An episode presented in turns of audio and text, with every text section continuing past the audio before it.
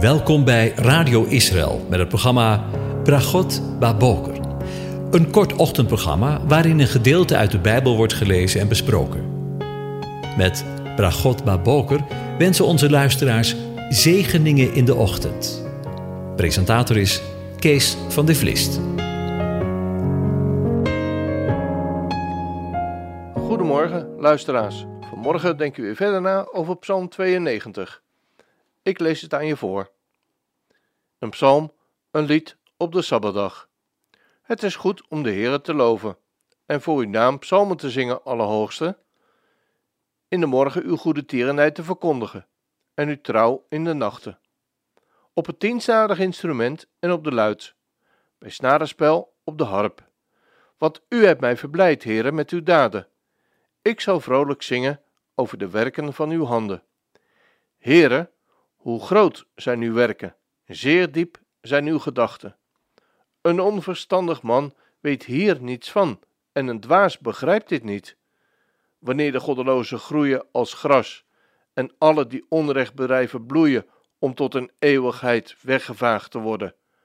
Maar u bent de Allerhoogste, voor eeuwig de Heere. Want zie, uw vijanden, Heere, want zie, uw vijanden zullen omkomen. Alle die onrecht bedrijven zullen overal verspreid worden. Maar u zult mijn horen opheffen als die van een wilde os. Ik ben met verse olie overgoten. Mijn oog zal de val aanschouwen van hen die mij bespieden. Mijn oren zullen horen wat de kwaaddoener overkomt, die tegen mij opstaat. De rechtvaardige zal groeien als de palmboom. Hij zal opgroeien als een ceder op de Libanon. Wie in het huis van de Heer geplant zijn, die mogen groeien in de voorover van onze God. In de ouderdom zullen zij nog vruchten dragen. Ze zullen fris en groen zijn, om te verkondigen dat de Heer waarachtig is. Hij is mijn rots en in hem is geen onrecht. Tot zover. Over Gods plan gesproken. We denken weer verder na over het vervolg van deze psalm. Want u hebt mij verblijd, heren, met al uw daden. Ik zal vrolijk zingen over de werken van uw handen. Heren, hoe groot zijn uw werken? Zeer diep zijn uw gedachten. In het Hebreeuws staat hier, want u, Jaweh, verheugt mij door wat u tot stand gebracht heeft. Over de daden van uw handen zal ik jubelen. De voorgaande overdenking zijn we geëindigd met het failliet van het menselijk proberen en dat de mens zich nergens op hoeft te beroemen over wat hij tot stand heeft gebracht. Ik zou zeggen, lees de kranten vanmorgen maar eens op na. En dan zegt Paulus: Waar is de roem? Hij is uitgesloten. Daar gaat het uiteindelijk ook om, zodat het zal worden zoals het ook beschreven staat in 1 Korinthe. Wie roemt, roemen in de Here. Op dat moment op het moment dat de mens het niet meer weet en er ook een einde aan het werken van de mens gemaakt zal worden, dan zal de Heere God iets tot stand brengen. Dan gaat de Heere God de Sabbat tot stand brengen.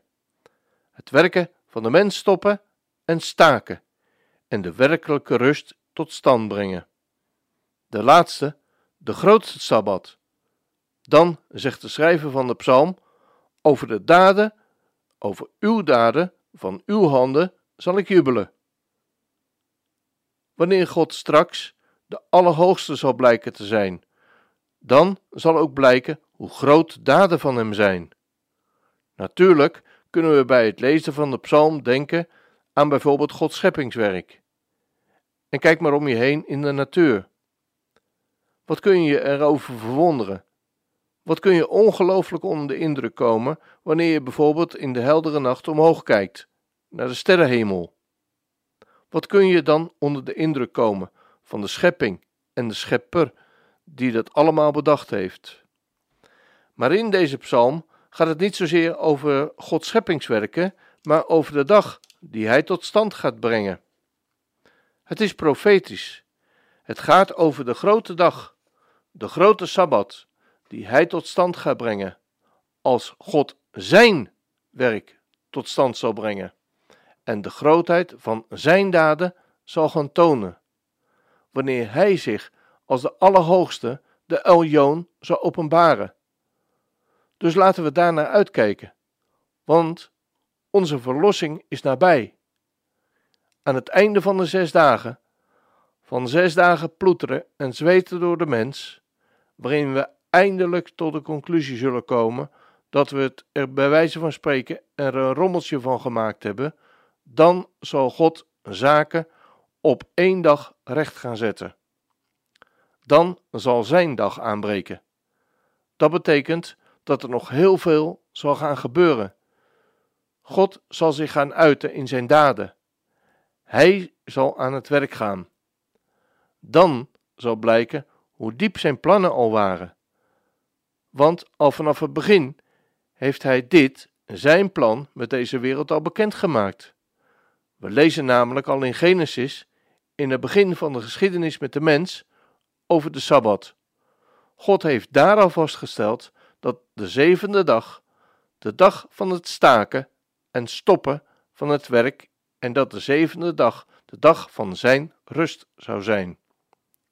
Dat blijkt dus duidelijk ook profetisch te zijn. Hoe uitermate diep zijn zijn gedachten en plannen. En zoals Job eraan toevoegt, geen van uw plannen kan verijdeld worden. Dat kan namelijk niet. Als hij een plan heeft, dan volvoert, dan realiseert hij dat ook.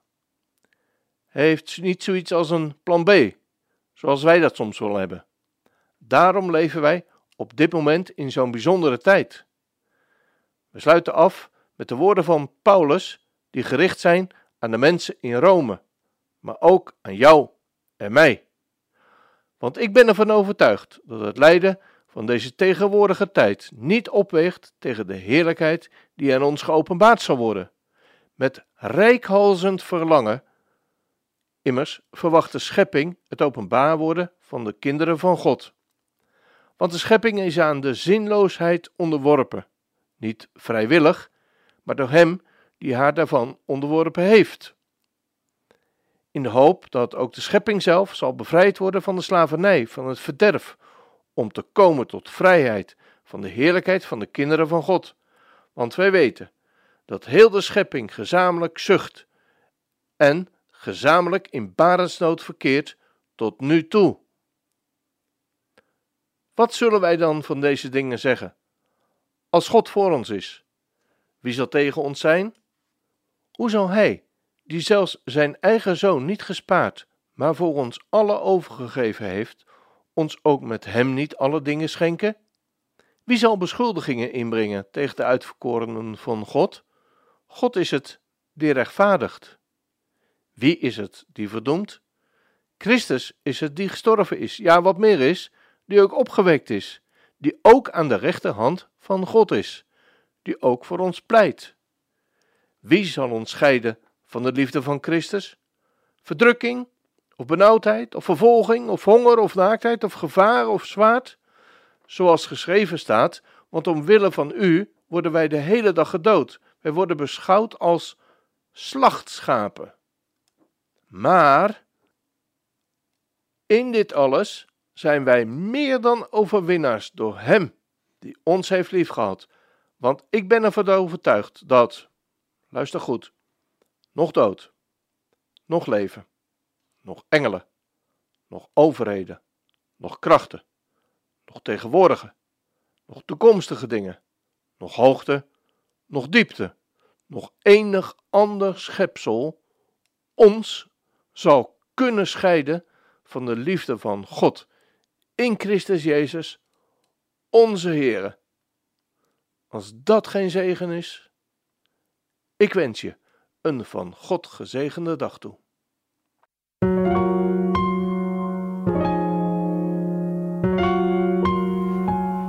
U hebt geluisterd naar het programma Bragot Baboker. Een kort ochtendprogramma waarin een gedeelte uit de Bijbel wordt gelezen en besproken. Wilt u het programma nog eens naluisteren, dan kan dat. Ga naar radioisrael.nl en klik onder het kopje radio op Uitzending gemist.